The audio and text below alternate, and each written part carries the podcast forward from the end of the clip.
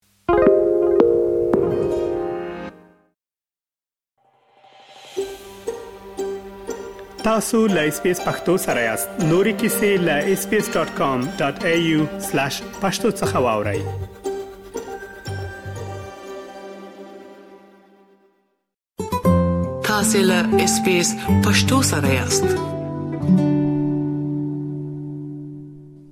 د فبرورۍ یوویشتمه یا د کب دویمه نیټه د مورنۍ ژبې نړیواله ورځ ده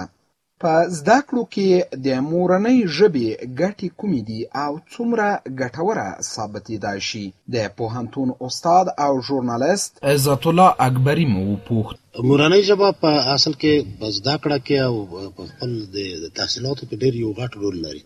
ځکه چې که چېرته څوک په مورنۍ ژبه تعلیم کوي نو هغه ډېره زر اخذه کولی شي او هغه مطالب ډېر زر اخیستی شي او هغه کسان چې په مورنۍ ژبه د زده کړې نه کوي یا زمینه نه وي ورته برابره هغوی اکثریت وخت د ژبې څخه په ستونزه کې وي ځکه زه خپله چې لومړي ځل دپاره کابل پوهنتون ته راغلم زموږ زده کړې په دري ژبه وې نو د ما یو غټ د ناکامۍ لامل چې زه به همیشه په خپل درسونو کې ورسته پاتې وم هغه دا و د ورستای والی دلیل مې چې درس په مورنۍ ژبه نه و زه د دولسم سم نه فارغ شوی وم په دری ژبه هم لګ لګ پوهېدلم خو بیا هم ما ته ډېرې غټې ستونزې وې او کله مې مضمون اول په پښتو ته ژباړلو بیا به مې هغه ورسته دغه نه زده کولو یعنی زما وخت په ټول اکثریت په ژباړه تېرېدی نو په زده کړه کې مورنۍ ژبې اهمیت ډېر زیات دی هغه ماشومان چې په خپله مورنۍ ژبه زده کړه کوي، هغه ډېر ځیرک وي او ډېر زر یوه موضوع اخیستلی شي او غبي نه پاتې کېږي او هغه ماشومان چې دوی په مورنۍ ژبه زده کړه نه کوي، د استاد په ژبه نه پوهېږي، د استاد برخورد هم ورسره بیا ښه نه وي، دی هم د استاد په ژبه نه پوهېږي، نو د هغوی لپاره دوې ستونزې وي، یو د زده کړې ستونزه او بله هم د ژبې ستونزه. پښتو ژبې ته تر اوسه چې ګوره خصوصا په ښوونځیو کې همداراز په پوهنتونونو کې څومره کار شوی هغه کسان چې په پښتو پوهیږي په نورو ژبو نه پوهیږي لکه تاسو چې وویل تاسو هم له دې ستونزې سره مخامخ وای پښتو ته څومره کار شوی اصلا د پښتو د پاره په مرکز کې په خپل په کابل کې دومره کار نه دی شوی ځکه چې زه خپل اوس استاد یم او په ځینې ځایونو کې درس ورکوم نو د هغو خپل هغو ادارې غوښتنه ده چې تا تدریس باید په دری ژبه وي نو بیا هغه استاد خو تابع د هغو ادارې وي ځکه هغه اداره ورته معاش ورکوي او د هغو امکانات برابروي نو خپل اداره د تقاضای وي چې درسي توکي دی او درس باید په دری ژبه وي او په مرکز کې دومره تواجه تر اوسه نه ده ورته شوې ځکه اوس لږ لږ د شخصي ښوونځی که ځنې پښتو صنفونه ولري هغه هم پښتانه استادان نه ورته نیسي زه خپل دې شاهد یم چې زما زوی په شخصي ښوونځی کې دی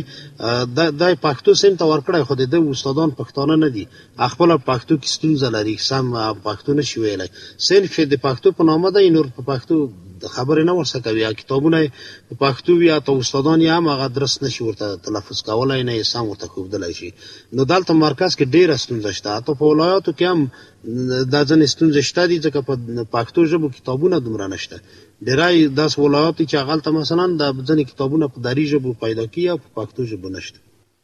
د اساسي قانون په اساس په مورنۍ ژبې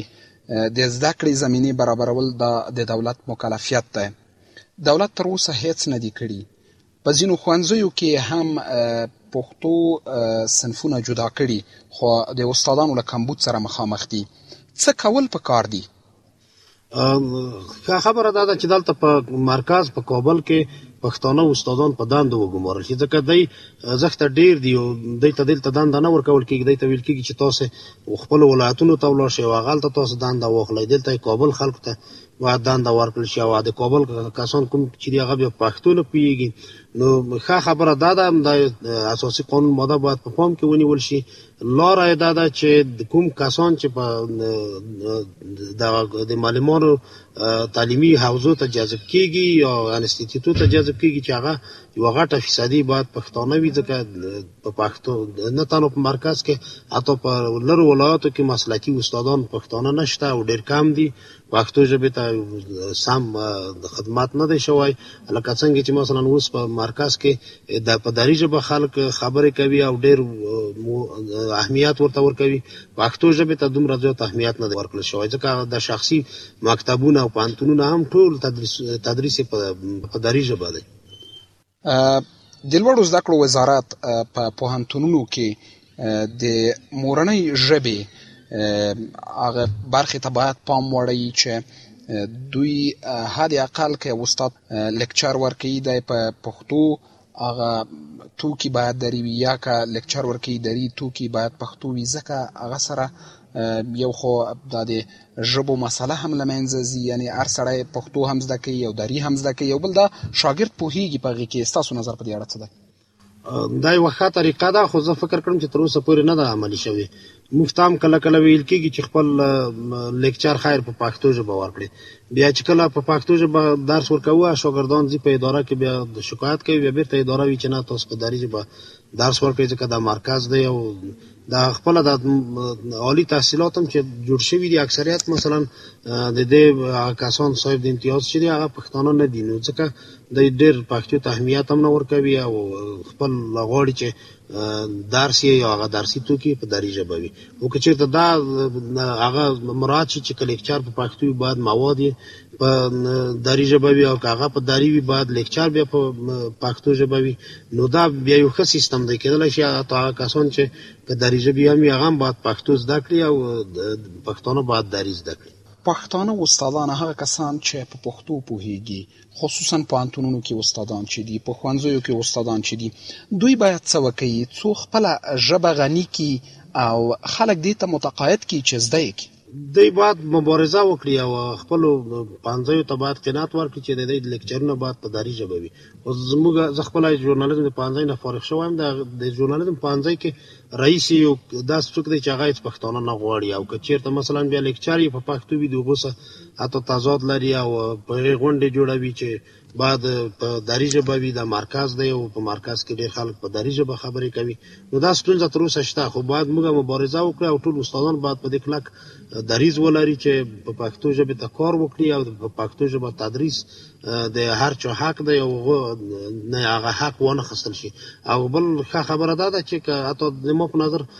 چې کله لوړ زده کړو ته ورسي هغه ته بیا صنفونه هم جدا نشي ګډ وي او په دواړو ژبو حتی مساوي درس ورکړل شي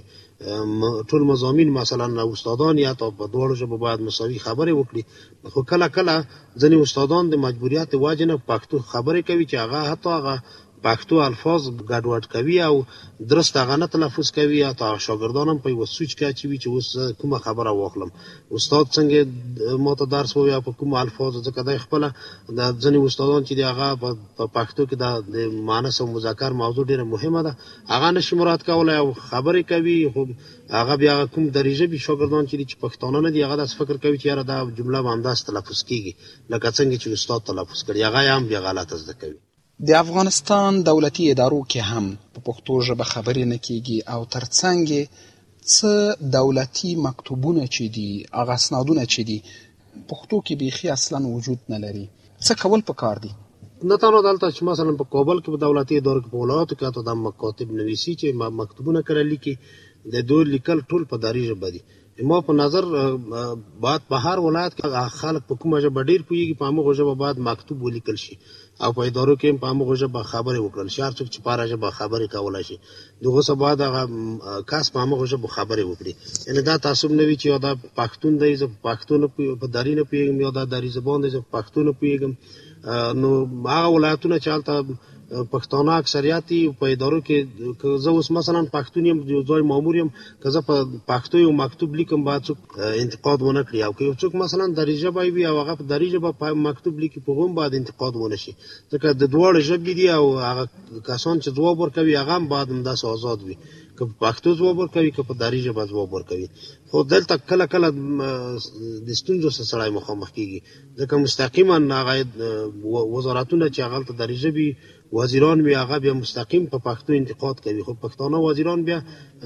ورته به تفاوت ده که پښتو وي که په دری کومه ستونزه نشته وي ډیره مننه ښاغلی اکبري مننه تاسو نام ډیره مننه